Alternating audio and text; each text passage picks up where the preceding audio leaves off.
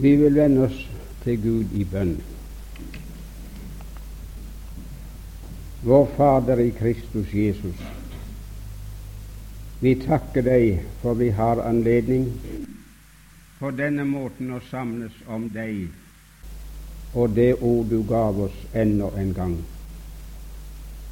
Hva vi er avhengig av fra din side, det kjenner du til og vet om. Jeg har ingenting å foreskrive deg, men ber deg om at du vil være oss erfaringsmessig nær, og gi oss den ro og den stillhet i våre sjeler at vi kunne høre din røst og få lov å se lys i ditt lys. Og du har sagt at ditt ord, det er lys.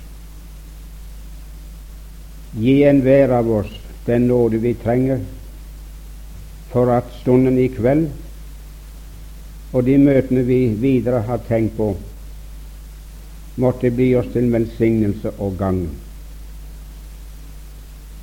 Mine behov, de kjenner du. Det behøver jeg ikke stå og fortelle her for de andre. Men her er en anledning for deg, Herre. Bøy deg ned og gjør bruk av den. Og la det komme noe ut også av denne stunden, dette samværet, som kan bli til ære for ditt navn, og på en eller annen måte til velsignelse og hjelp for ditt folk som sitter her. Du vil høre disse begjær for Jesu Kristi skyld og Hans skyld alene. Amen.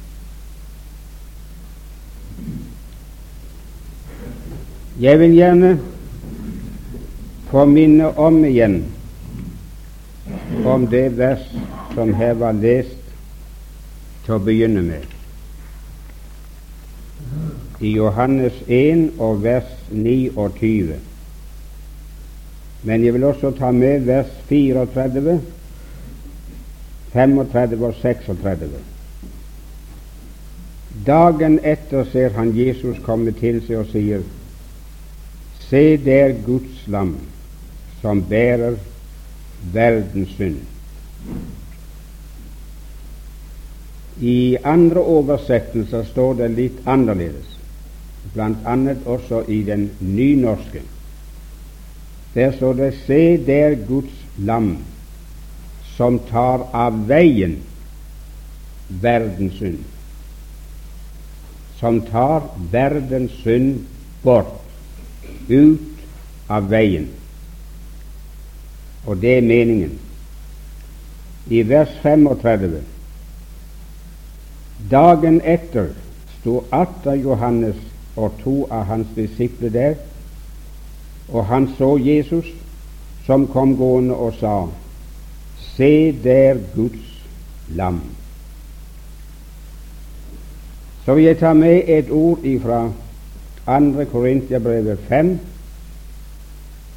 og vers 7. Rens derfor ut den gamle surdeig så dere kan være ny deig, like som dere er usyret. For vårt påskelam er jo slaktet Kristus. De versene dekker det som vi har satt opp som emne for disse timene. Kristus som Guds og som vårt lam. Han er ikke bare Guds lam, det er han, og den ære skal han beholde. Men det er like sant at han er vårt lam, og vi bør kjenne sannheten fra begge sider. Det å tale om Guds lam, det er i virkeligheten intet annet enn å tale om Kristi kors og Hans korsets død. For det var der, på korset, han ofret seg som Guds lam for verdens synd og ble vårt påskeland. Og de som er lite grann kjent med Bibelen,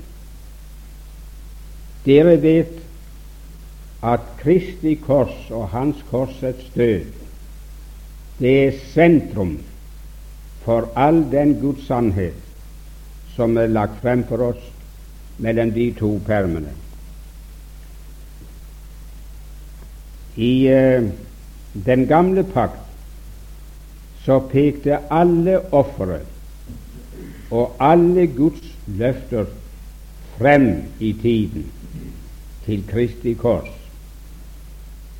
Og i Nytestamentet så peker alle sannheter tilbake til det kors som en gang var reist på Golgata. Korset, det står i midten. Alle tider som var gått forut, kalles i Skriften, særlig i Efeserbrevet, for de forrige tider eller tidsaldre. Og alle tidsavsnitt som fortsetter fra Kristi kors, kalles for de kommende tider. Så korset det er plantet i midten.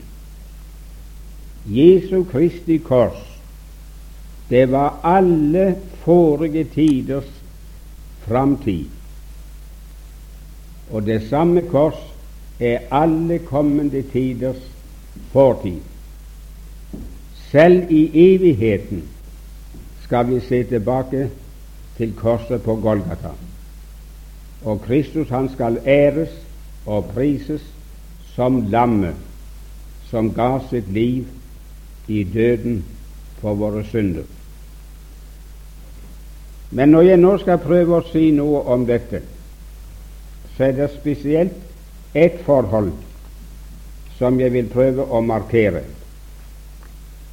Og det er det at Kristi død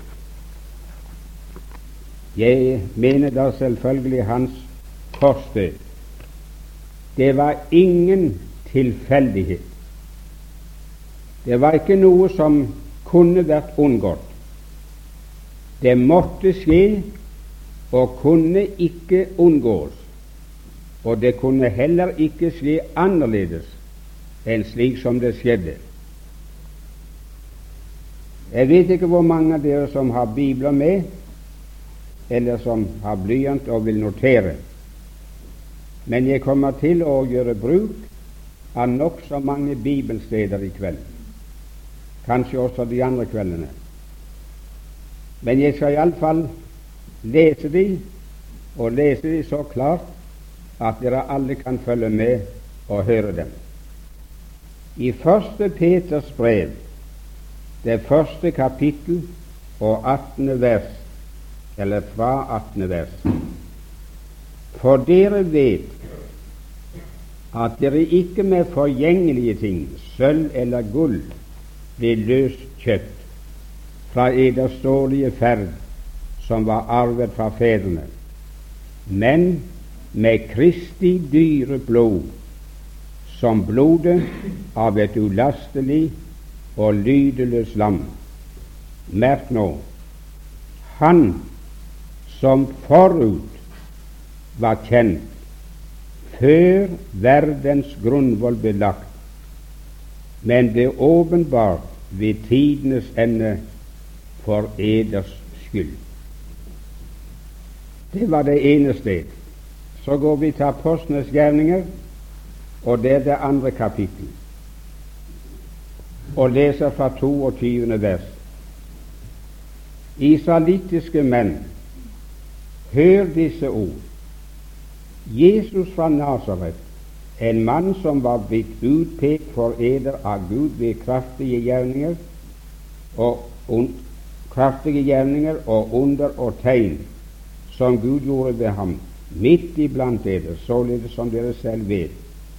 Han som ble forrådt etter Guds besluttede råd og forudviten, ham slo dere i hjel idet dere naglet ham til korset ved urettferdiges hender.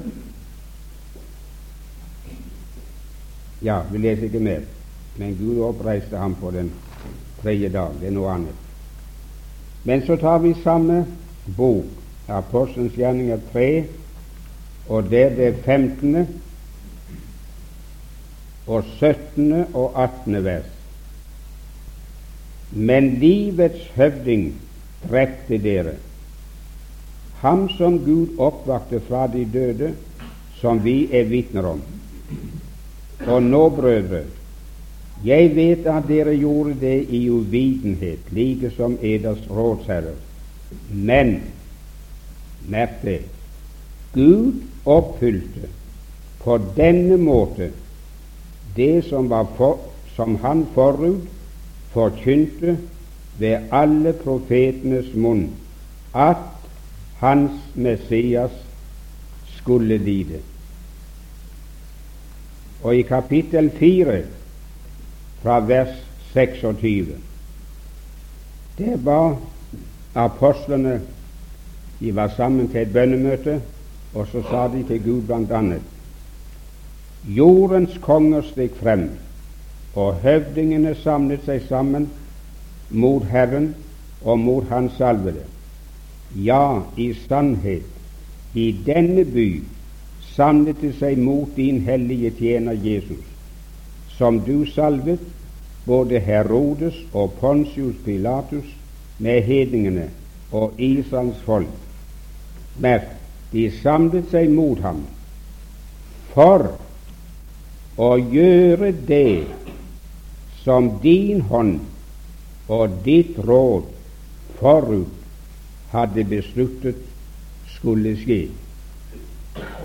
Jeg sa at hans korsets død Alt hva han led og alt hva han gikk igjennom, var ingen tilfeldighet. Men det var forutsett og forutbestemt i evigheten at så skal det skje. Han var kjent som Guds lam og ble ofret som sådan. Og alt de gjorde imot ham, var intet annet enn det som Gud i sitt råd og sin forudviten hadde besluttet skulle skje, så det var uunngåelig. Når jeg presiserer dette så sterkt, så er det fordi at vi er blitt vant til å høre fra mange hold Jeg refererer ingen ved navn, men det skulle være kjent for mange at det var ikke nødvendig for Kristus Jesus å lide korsdøden. Han kunne vært spart for det.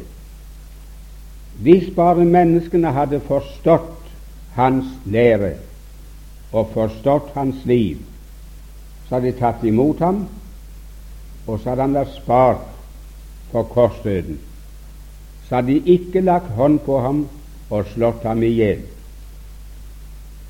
Det spanderer jeg ikke flere ord på.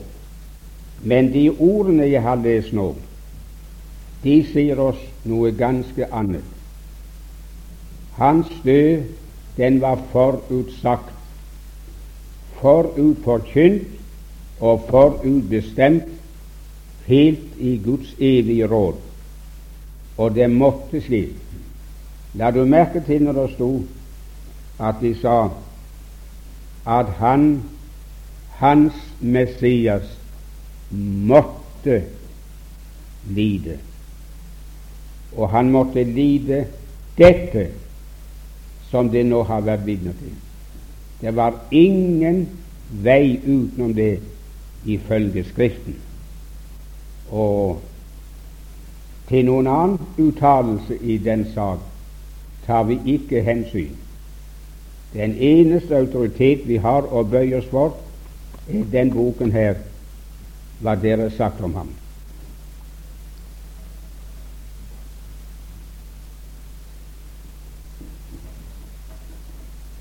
Vi leste der i Apostelens gjerninger 3 og det 18. vers at Gud forut forkynte ved alle profetenes munn at hans Messias måtte lide.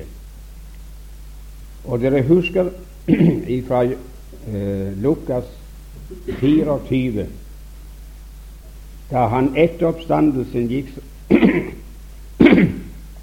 sammen med de to disiplene på veien til Emmaus. Der sa han i 25. til 27. vers. Jeg kan slå det opp og lese det helt ordrett. Lukas 24 og 25. Da sa han til dem, dere dårer og senhjertede til å tro alt det profetene har talt. Bare i parentes Venner, hvor mange er det i vårt land i dag, selv blant de som bekjenner seg som kristne, som vedkjenner seg at de tror alt som profeten har sagt? Jeg har nå ganske nylig sagt, satt og hørt i radioen, og jeg har hatt bøker jeg har lest, nesten nødvendigvis måtte lese det, og der skammer de seg ikke for å bekjenne at det bare er en del av det som står i Det gamle testamentets skrifter, som er Guds ord. Resten er menneskeord. De talte så godt de forstod, og de var mennesker, og mennesker kunne ta feil. Og følgelig har vi fått en hel masse feil som vi ikke kan ta hensyn til i dag. Det blunker de ikke på å forkynne oss i tale og i skrift, og enda gjør de krav på å være kristne og kalle seg bibeltroende. Men her sa Jesus, dere dårer og senhjertede til å tro alt det profeten har talt. Måtte ikke Messias lide dette, og så gå inn til sin herlighet?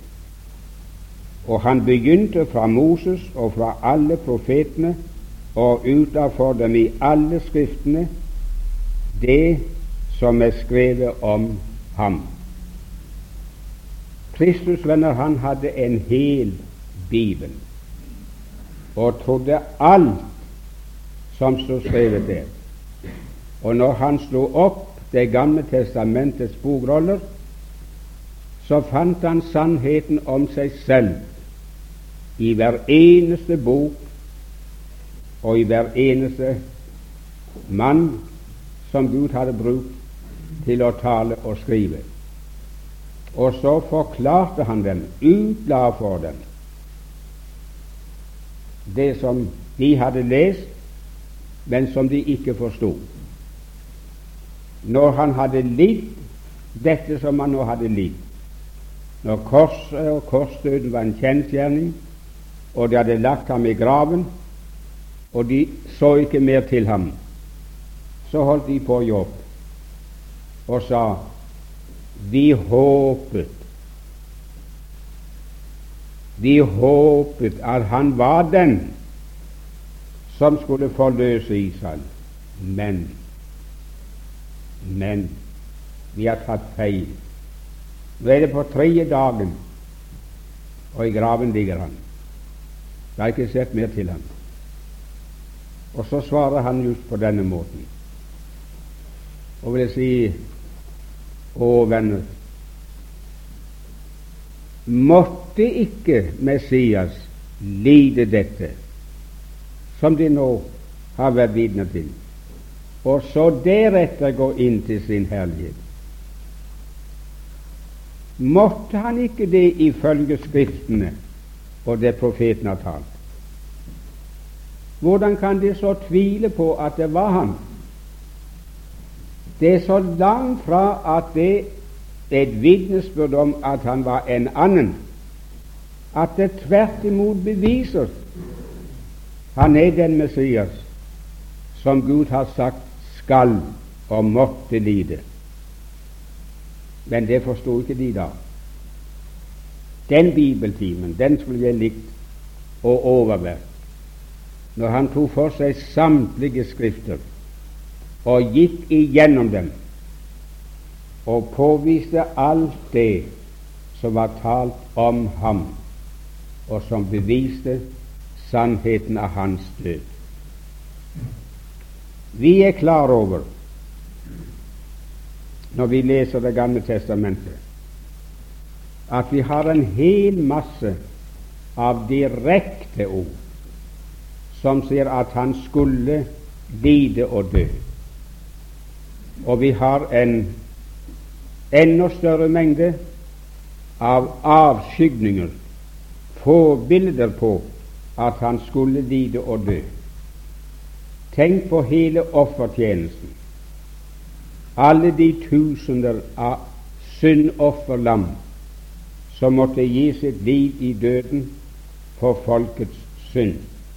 Alt pekte fram imot ham selv. Så når han hang på korset og var ferdig, så kunne han si det er fullbrakt. Alt det som forut er forkynt og forutsagt at jeg måtte lide og dø for at andre kunne leve, nå er det brakt til endes. Nå er det fullført. Og når jeg snakker om uh, offertjenesten og ofringene, så tenkte jeg i øyeblikket i særdeleshet på tabernaklet og tjenesten som pågikk der. Det skal jeg ikke referere. Men det er én ting som flere av dere sikkert ikke er oppmerksom på. Mange av dere vet jeg er det. Men Gud viste Moses, da han var oppe på fjellet, bilder av tabernaklet, skygger av det, og påla ham at når du kommer ned i leiren, så skal du gjøre et slikt telt og slike gjenstander som du nå har sett bilde av. Og ikke bare det, men han viste ham plassen som hver enkelt gjenstand skulle innta.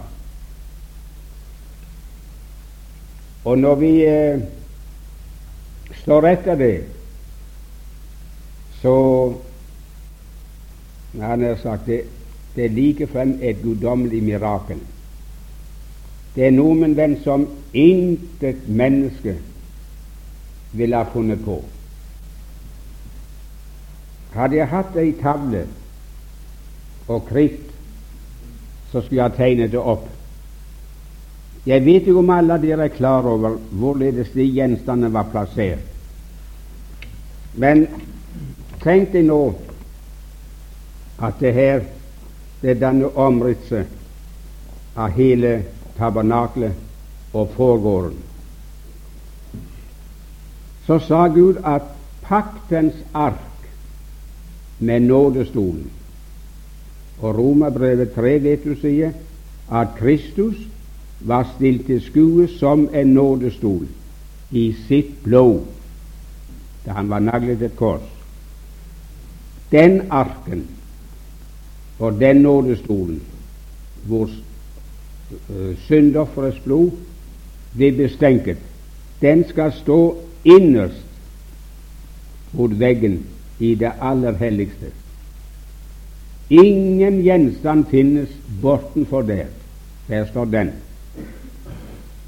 I rett linje, eller nå kommer de et stykke ut, så skulle han sette opp et forheng som skilte mellom det aller helligste og det hellige.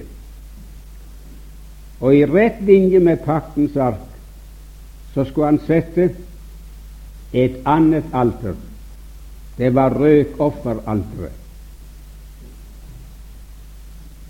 Og til den ene siden der skulle han sette gull, lysestaken, og tvers over, i rett linje, skuebrødsbordet. Altså paktens ark, røkofferalteret, lysestaken og skuebrødsbordet. Og i rett linje ned for det kommer du gjennom porten, og utenfor porten står en annen gjenstand. Det er kobberkaret, tvettekaret, der hvor de skulle vaske sitt legeme i vann når de ble innvidd til prest, og når de skulle gjøre tjeneste for Herren i teltet. Og enda lenger ned, der får du porten. Men like innenfor porten, der står den siste gjenstand, og det var forlikelsens alter. Der hvor ethvert syndoffer ble bundet og ga sitt liv, og blodet udøst. Prøv nå også å se de gjenstandene i fugleperspektiv. Se det ovenfra og ned, slik som Gud ser det. Hva ser du bildet av på ørkensanden når du tenker på de gjenstandene? Paktens ark, røkofferalteret, lysestaken, skuebruddsbordet, kobberbekkene, syndofferalteret. Det danner et kors. Så Gud så ovenifra et kors nede på ørkensanden. Og så sa han til Israel og til Moses og jeg vil komme sammen med deg der. Gud hadde forutbestemt og nå forutsagte, forutsagte, det, at han en gang skulle komme sammen med syndere på et kors. Det var det som skjedde en gang da Kristus ga sitt liv i døden. Og så står det enda en ting som jeg tror jeg vil ta med. Der står i Tredje Mosebok, det 23. kapittel og 19. og 20. vers, og dere skal ofre en gjetebukk til syndoffer og to års gamle lam til takkoffer. Og merk og presten skal svinge dem sammen med førstegrødens brød og to lam for Herrens åsyn. De skal være hellige Herren og tilhøre presten. Om de leser hele Bibelen igjennom, så vil de ikke finne noen forklaring på det vi leser der, at presten skal ta et lam eller et syndoffer og svinge det for Herrens åsyn, sammen med førstegrødens brød. Jeg har sett i en bok en som har anskueliggjort det ved en tegning, ved en illustrasjon. Og der står en mann, en prest, med ett brød i, i hver hånd og svinger omtrent på den måten. Det har ingenting med virkeligheten å gjøre. Men Talmud, den jødiske Talmud, den forteller på hvilken måte det blir gjort. Det ble gjort på den måten at presten sett at det var et lam som skulle være syndoffer. Så tok presten det i sine hender og bar det inn for Herrens ansikt i helligdommen. Og så løftet han det opp slik, senket det litt ut til sidene tilbake og rett ned. Da hadde han svinget det. Men hva hadde han da gjort? Han hadde tegnet et kors ved hjelp av det offeret. Så hvordan denne vi ser det og tenker på det, så, så har Gud forutsagt det, avskyggete avskygget at hans Messias skulle lide. Og han skulle lide akkurat slik som det foregikk, for de samlet seg, seg imot ham for å gjøre det som Gud hadde besluttet i sitt råd. Det var ingen vei utenom.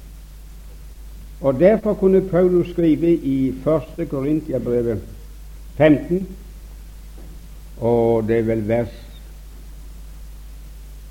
3, at Kristus døde for våre synder etter Skriftene.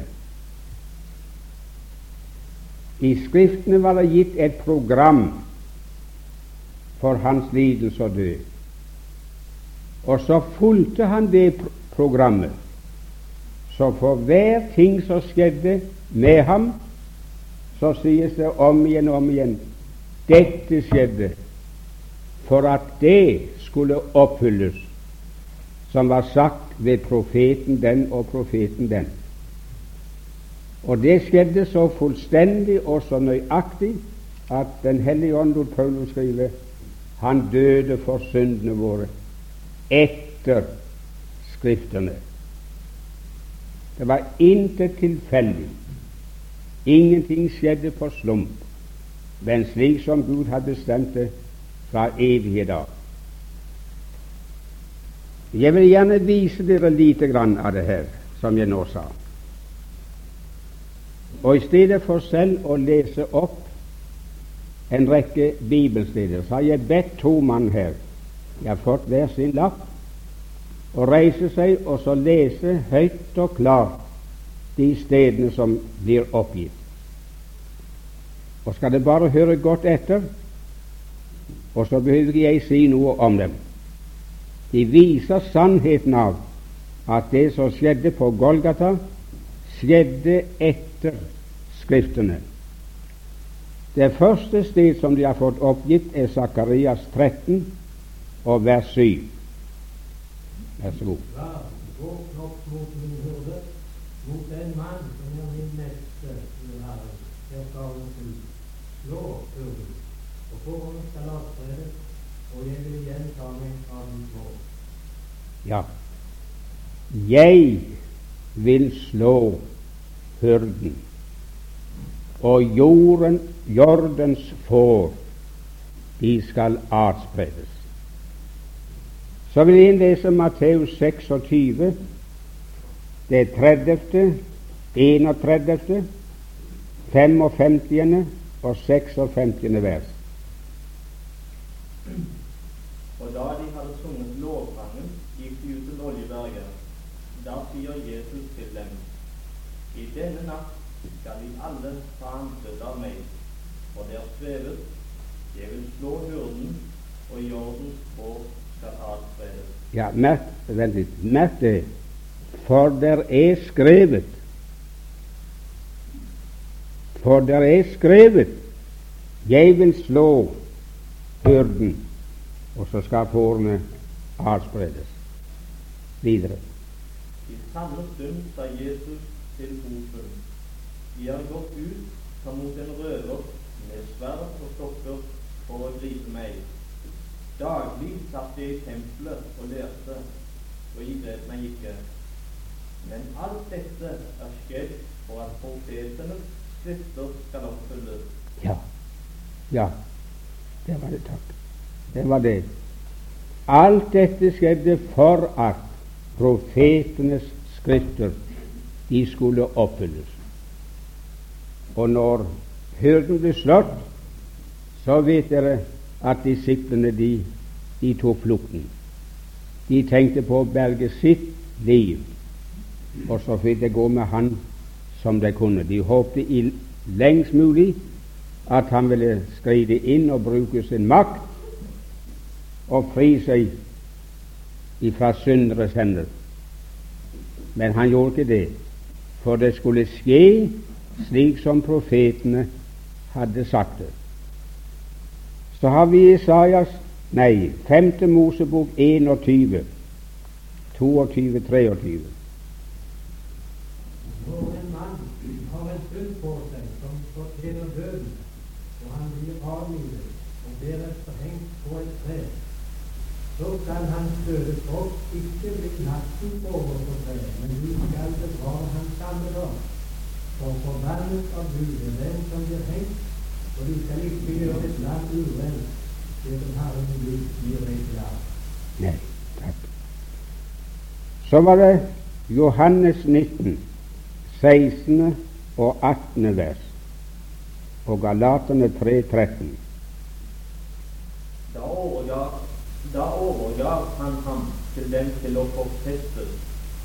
Så tok de Jesus med seg, og han bar sitt kors og gikk ut til det sted som kalles Hodeskallestedet, på hebraisk Golgata. Der korsfestet de ham, og sammen med ham to andre, én på hver side og Jesus midt imellom. Og så Galatene 3.13. Kristus kjøpte oss fri fra lovens forbannelse idet han ble en forbannelse for oss. Ja. For det er skrevet Forbannet er hver den som henger på et tre. For det er skrevet Forbannet er hver den som henger på et tre. Og så ble han hengt, korsfestet, på et tre, til vitnesbyrd om at han var en forbannelse, og ble en forbannelse i stedet for oss. Men det var forutsagt i Skriften, og så måtte det skje. Så Isaias 53, 12. Derfor vil jeg gi ham de mange til del, og sterke skal han få til gutte, fordi han utsatte sin sjel til døden og ble regnet blant overtredere. Ja, og blir regnet blant overtredere. Det vil si at de antok ham, anså ham for å være en overtreder, en forbryter, og så dømte de han slik. Og så har vi Markus 15, 27 og 28. Og sammen med ham opprettet de to røvere, en på hans høyre og en på hans venstre side. Og Skriften ble oppfylt, som sier, og han ble regnet blant ugjerningsmenn. Ja, det er ganske merkelig, venner. De fant på å henge en røver på hver side av ham. Og det gjorde de for at Skriften skulle bli oppfylt, som sa han beregnet blant overtredere. Men litt mer. Salme 22, 19. De deler mine klær mellom seg og kaster lodd min stortro. Ja. De deler mine klær og kaster lodd, loddtrekning, om min kjortel. Den kjortelen, den var helt, den var vevet helt. Det var ingen søm og kunne ikke løses opp i deler. Og i stedet for å rive den i stykker og så ta en suvenir hver, så ble de enige om disse rå soldatene at de skulle trekke lodd om hvem som skulle beholde kjortelen. Og så leser vi i Johannes 19, 23 og 24. Da nå stridsmennene hadde korsfestet Jesus, tok de hans klær og delte dem i fire deler, én for hver stridsmann. Likeså tok de kjortelen, men kjortelen var usunn, vev fra øverst og helt igjennom. De sa da til hverandre, la oss ikke rive den i stykker, men kaste lodd om hvem som skal ta den. For at Skriften skulle oppfylles, som sier, de delte mine klær mellom seg og kastet lodd om min kjortel. Dette gjorde da stridsmennene. Ja. Venner, det er ikke bare noe snakk når vi leser i Skriften at Herren våker over sitt ord. Han tar vare på at det han har bestemt og har forutsagt, det skjer, og skjer akkurat slik som han har sagt det. Og så fant de på det der med kjortelen hans, fordi at så var det skrevet om ham i Salmenes bok. Og så har vi et par steder igjen. Andre Mosebok 12, 46. Jesus skal lese, du skal ikke la noe ta kjøttet komme utenfor huset, og vi skal ikke bryte noe ben på det. Det var altså påskelammet det gjaldt. Og bestemmelsen var at de skulle ete i et hus, men de skulle ikke bryte noe ben på det. Så hører vi Johannes 19, 31-33 og vers 36.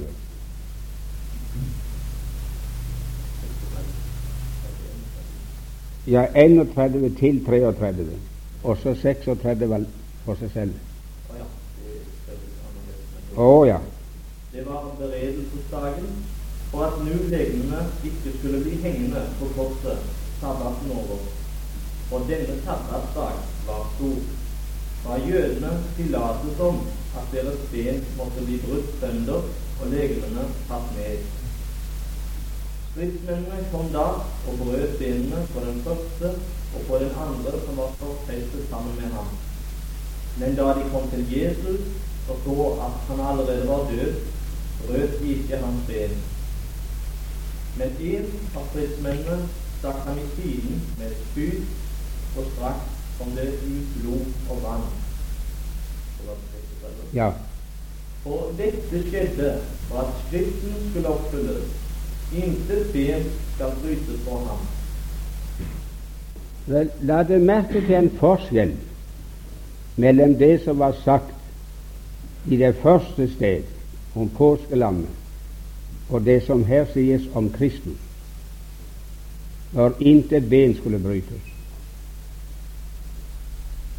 Når det gjaldt påskelammet, så står det og intet ben skal brytes på det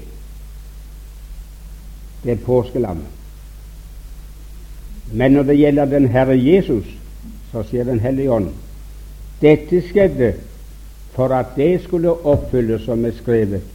Intet del skal brytes på ham.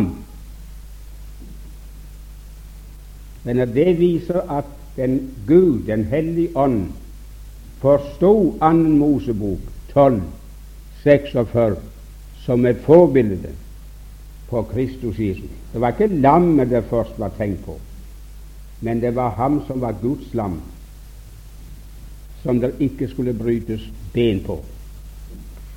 Det var mange ting som kunne sies i forbindelse med det, men det har jeg ikke tid til.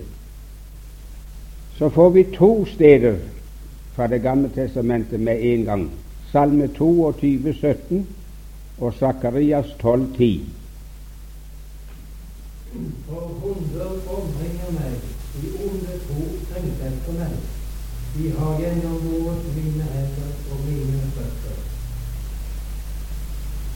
Ja. Og så Sakarias 12, 10. Men over dagens hus og over Jerusalems innbyggere vil jeg utgyte nådens og bønnens ånd, og de skal skue opp til meg som de har gjennomsprunget. Og de skal sørge over ham som en sørger over sin egen sønn, og klage så over ham som en klager over sin døtre. Der var det tydelig og klart forutsagt at han skulle gjennomstinges. Og så hører vi Johannes 19, 34 og 37 vers. Så skal vi ikke ta flere. Men en av stridsmennene stakk ham i siden med et spyd, og straks kom det ut blod og vann. Og atter sier et annet skriftord. De skal se på ham som vi har gjennomstundet. Ja, det er ganske besynderlig. Disse soldatene som var trent opp i å lyde ordre fra høyeste hold, de hadde fått beskjed om gå ut til Golgata og så knus bena på de som er naglet til korset. For vi kan ikke ha de hengende der over sabbaten, og så blir vi urene. Vi må få de vekk derifra. Og det er ikke sagt at de er døde. De var vant til, sier den romerske historie, at en korsfestet mann kunne henge opptil tre døgn før han utåndet. Så de var ikke sikre på om de var døde. Så de kunne livne til igjen. For du vet, de blir ikke begravne. Slike forbrytere blir ikke lagt i en grav som andre mennesker, men de blir kastet utenfor bymuren i Ben dal, der hvor de brente opp byens avfall. Og så har de bestemt at også Kristus skulle kastes iblant de ugudelige. De hadde dømt ham som overtreder, avlivet ham som en overtreder, og hadde de sagt A, så fikk de si B. Så fikk de også begrave ham som en overtreder. Og så kunne de ikke ta risken for at han skulle vågne opp igjen, verken han eller de andre, og ta flukten og rømme og berge seg. Men knus bena på dem, det visste vi sikre. Da kan de iallfall ikke gå. Det kan ikke rømme selv om de skulle vågne til liv igjen så, så beholder vi dem. Og så kommer de soldatene ut til Golgata og ser på dem. Ja, de fant at de to der, de, de var døde, og så knuste de bena. Og det hadde de ordre om å gjøre også med den Herre Jesus. Men merkelig nok, min venn, da de kom overfor hans legeme, så fikk de et innfall. Og ikke knuse bena hans. Jeg har ikke fått ordre om det. Men knus dem på alle tre. Men nei. Men så tok en av soldatene sitt spyd og stakk ham i brystet, i hjertet, gjennomborte ham. Hvorfor fant han på det? Det som ingen autoritet hadde gitt befaling og ordre om. For Den hellige ånd hadde forutsagt det. De skal se hen til ham som de har gjennomstunget. Derfor fikk han det innfallet. Og når de kom til Pilatus, når Josef og Armathea kom og ba om å få begrave ham, så, så står det om Pilatus at han undret seg over at Jesus allerede skulle være død. Kan det være slik? Er du sikker på han, han er, Vi kan ikke begrave ham hvis han er levende. Ja, du kan dømme selv. En av soldatene som fikk ordre om å knuse benet hans, tok et spyd og stakk ham gjennom hjertet, og så flyter ut blod og vann.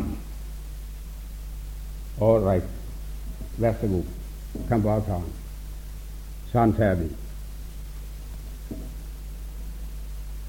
Det var det ingen tvil om at han var død. Og det var heller ingen tvil om på hvilken måte han var død. Du vet, han sa Johannes 10 Ingen tar livet ifra meg, men jeg setter det til av meg selv. Og det bud fikk jeg min Fader. Jeg har makt å sette det til, og jeg har makt til å ta det igjen. Og de lærde de forteller oss, og jeg har sagt, snakket med leger om det for å få det bekreftet. De forteller at når blodvæsken skiller seg fra blodet, slik at når hjertet er gjennomstunget, og blodet kom ut for seg, og vannet kom ut for seg, det har skilt seg fra en annen, så er vedkommende død på grunn av at hjertet brast. Det er dødsårsaken. Eller så er blodet og vannet i ett. Og det vannet som, eh, som uh, er i blodet, det er ikke stort mer enn når du holder hånden slik, så kan du få plass for den lille skvetten av vann på hånden din. Men det hadde skilt seg fra hans blod, så de kunne konstatere det. Der er blodet, og der er vannet. Hans hjerte har brustet i døden. Og det står om ham at da timen var kommet, så oppga han sin ånd og sa, Fader, i dine hender overgir jeg min ånd. Og han Sett tykke streker under det. Han bøyde sitt hode og oppga sin ånd. Det var ingen andre som bøyde det. Men når de hadde prøvd så langt de var i stand til å få livet av ham både før og da, men ingen greide det. Men da hans time, som var fastsatt fra evigheten, var kommet, så bøyde han hodet.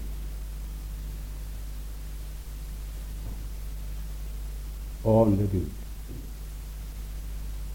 Presten Kromaker et av de største gudsvitner som har vært i Tyskland, med et vidunderlig klart syn på sannheten og evangeliet. Han sier at ordet der egentlig betyr han nikket til døden og liksom ba ham om å komme. Det var som døden vegrer seg ved å overfalle ham. Og så nikker han til ham, og så ham. Og så står det merkelig i Isaias 53 at de bestemte hos ugudelige hans grav. Da hadde Høyråd satt sammen og høytidelig besluttet Vel, vi har dømt han som, som overtreder, som forbryter, og korsfestet ham som forbryter, og følgelig må vi begrave ham som en forbryter. Hiv ham ut utenfor muren, der hvor avfallet, byens avfall brennes opp, og like av forbrytere brennes opp. Men det gikk ikke så. Isaias 53 sier man bestemte hos Gud hans grav, men hos en rik var han i sin død. Og det var Johannes sier der kom en mann, en rik mann, fra Arimathea ved navn Josef, og ba om og få ta ham ned og begrave ham. Og han fikk innvilget da Pilatus hørte at han er død, det er ikke noen tvil om det. Men vær så god, bare besørg du begravelsen, så slipper vi ha med bry med det. Så tok han ham og la ham i sin egen grav, som han latt uthugge i fjellet. Så det blir bokstavelig sånn hva Den hellige ånd hadde sagt hos en rik var han i sin død. Men jeg håper at alle disse versene som vi nå har lest på denne måten, uten å si stort om dem, de for det første viser oss nøyaktigheten og påliteligheten av Guds ord. Det Gud har sagt, det skjer, og det må skje.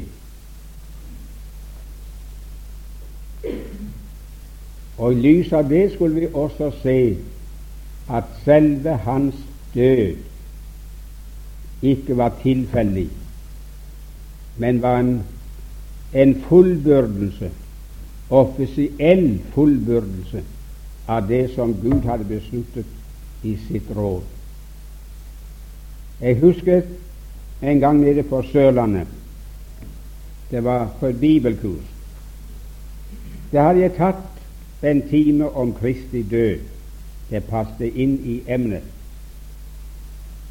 Og så hadde jeg latt to mann også der lese de samme skriftsteder som vi nå har fått lest her. Og jeg regnet ikke med at det ville ha noen særlig betydning. Men om kvelden etter timen så kom der en moden mann bort til meg med øynene fulle av tårer og ba om å få ta meg i hånden. Jeg ga han hånden, og så sa han og gråt Du, sa han, jeg vil få lov å takke for den bibeltimen vi hadde i ettermiddag. Var det noe særskilt i den da sa jeg, som, som du fikk hjelp av? Ja, han. Du vil kanskje undres over når jeg sier det, men jeg har lest nokså mye utenom Bibelen og nå holdt min tro på Bibelen å falle i stykker. Men når de versene ble lest om det som var forutsagt, og det som skjedde, og det skjedde fordi det var forutsagt, og det måtte oppfylles, så fikk jeg Bibelen igjen. Nå vet jeg hva jeg tror på. Jeg håper at noen av dere må få lite grann ut av det.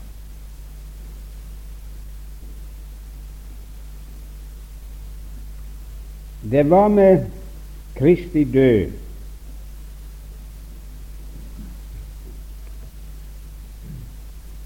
Ja, jeg skal ta med lite grann til. Det var med Kristi død akkurat som med påskelammet i Egypten. Der står det i Annen Mosebok 12 og det tredje vers Merk selve ordlyden. Herren sa til Moses på den tiende dag i denne måned skal det ta seg et, hus, et lam for hvert hus. Og det skal være uten lyte. Altså på den tiende dag skal det ta et lam, et lam for hvert hus, og så skal det ha det i forvaring inntil den fjortende dag. Så skal det slakte det. Vil du legge merke til at den dagen når Gud sa dette, så var det ikke den tiende dagen. På den tiende dagen så skal det ta lammet. Hvilken dag i uken det var at Gud sa det, er det ingen som vet. Så på en for oss ukjent dag bestemte Gud at da skal det lammet bli tatt ut. Så gikk de og så på det og tenkte på det inntil den tiende dagen var kommet. Og så tok de det og slaktet det etter de hadde hatt det i forvaring i fire døgn. Og på samme måte, venner, er det med Kristus Jesus. På et tidspunkt i evigheten som er ukjent for alle og enhver, det er ingen unntakelse, bestemte Gud sin sønn til en gang å ikle seg kjøtt og blod og stige fram i denne verden, og så gå til Golgata som et offerlam for verdens synd. Gud forutså det, og Gud forutbestemte det, og så skjedde det akkurat så. Og når jeg eh, presiserer dette, så skal jeg slutte med det i kveld Jeg trodde jeg skulle nådd lengre, men det går ikke. Så er det fordi jeg gjerne vil det skulle være klar for alle av oss, klarere enn det noensinne har vært, at når jeg for min del har tatt min tilflukt til Kristus Jesus som min frelser, som mitt lam der ga sitt liv i døden for meg. Hva da? Jo, venner, da tror jeg på og har tatt min tilflukt til det som Gud helt før verdens grunnvoll ble lagt, bestemte til min frelse. Gud har aldri ventet at noe annet skulle berge meg. Men det forutså han, og det besluttet han før verden var. Så når jeg tror på Kristus Jesus nå som min frelser, så tror jeg på det som Gud selv fra evighet av har bestemt skulle være min frelse. Så får vi stanse der og la det henge så å si i løse luften, og så fortsette i morgen kveld presis der hvor vi slutter nå. Og da vil jeg fortsette med, iallfall begynne med, å påvise at akkurat slik som påskelammet i 2. Mosebok 12 blir tatt ut og holdt i varetekt og prøvd i fire døgn for å forvisse seg om at det lammet er lydeløst.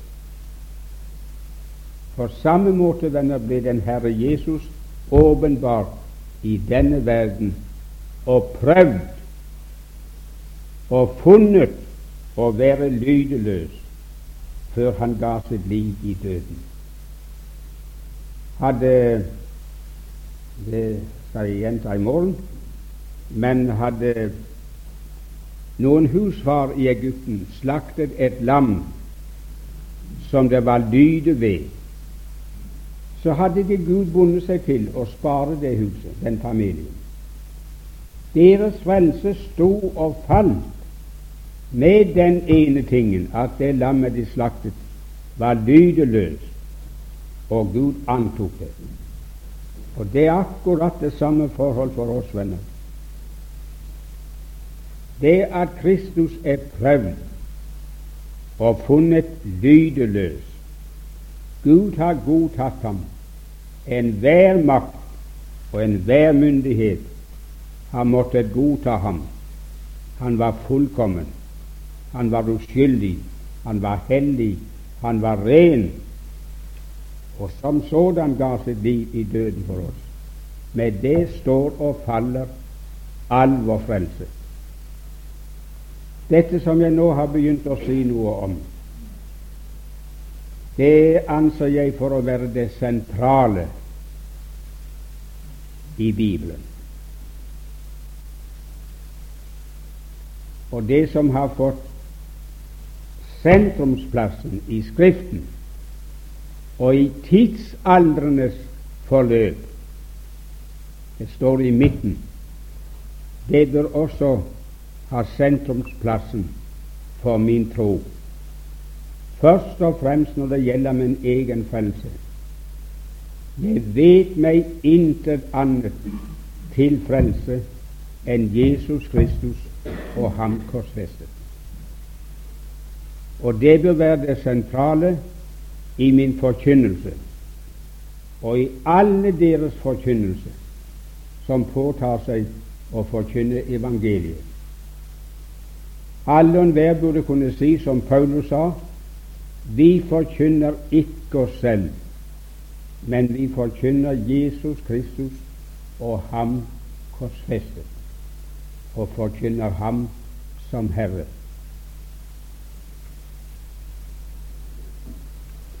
Jeg står jo ikke hevende for å kaste sten på noen. Det er ikke formålet. Hensikten min er en ganske annen.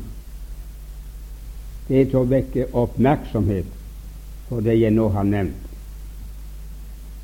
Når jeg legger ørene til det som skrives, helst til det som sies, som forkynnes på vitnemøter og prekemøter, så blir jeg ofte slått av.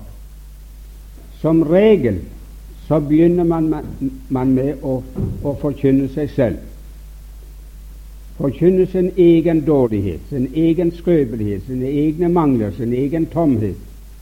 Og hvor vanskelig det er å måtte stå her og preke og alt dette her. Og så sitter folk og tenker på sin egen skrøpelighet og trøster seg med ja, ja, når det er så med han, så kan jeg ikke vente det skal være bedre med meg. De trøster seg med en annens elendighet.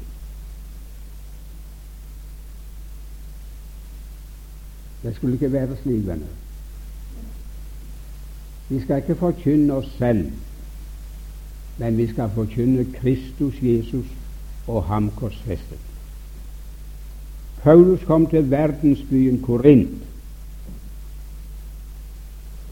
der hvor den greske visdom satt i høysetet, og hvor det også levde en god del jøder. Og Der skulle han preke, og der skulle han grunnlegge en kristig menighet.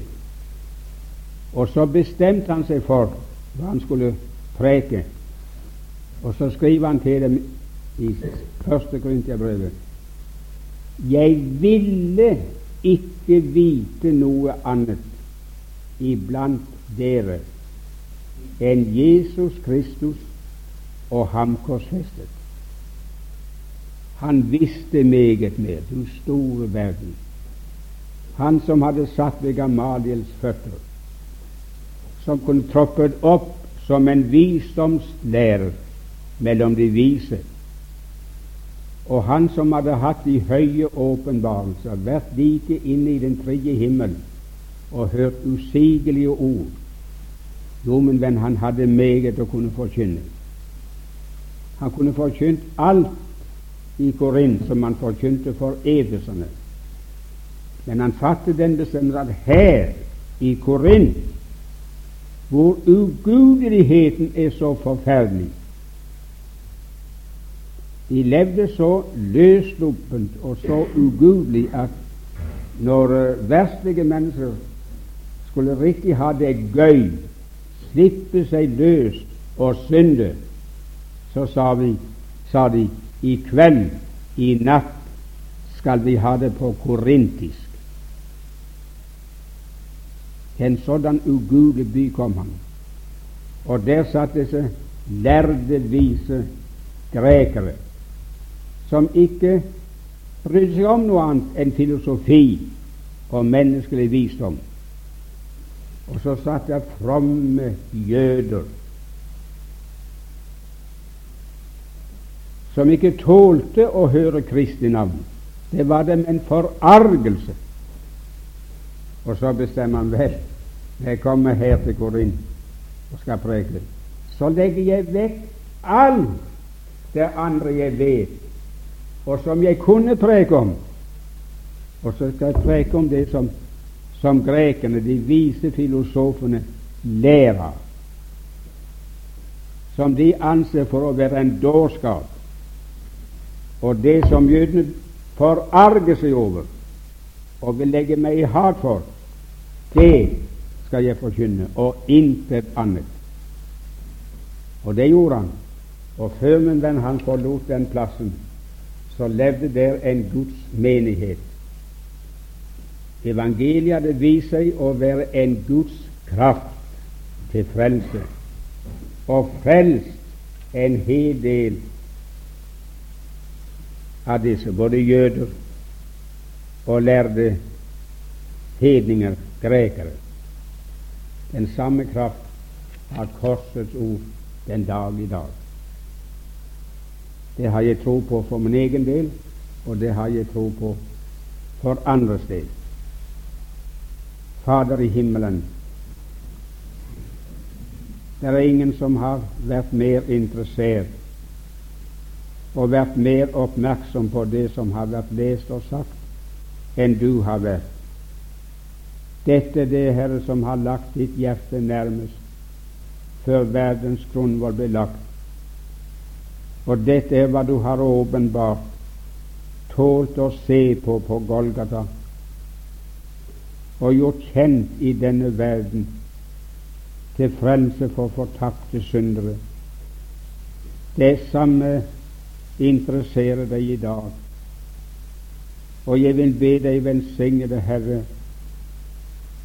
La Din hellige ånd kjennes ved dine egne ord og la nå Hans lys falle over det vi har lest og sagt, så vi kan se lyset i ditt lys og gå hjem i kveld fullt forvisset om hva vi tror på.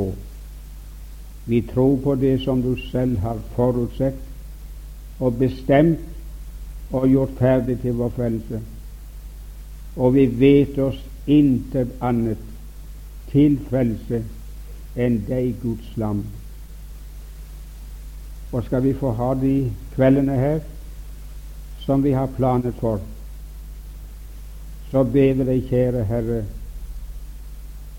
la det lykkes, la Din Hellige Ånd kunne kjennes ved det, og utnytte det til noens frelse og til større klarhet hos noen av dem som er dine. Vi ber om det for Sønnens skyld og i Hans navn. Amen.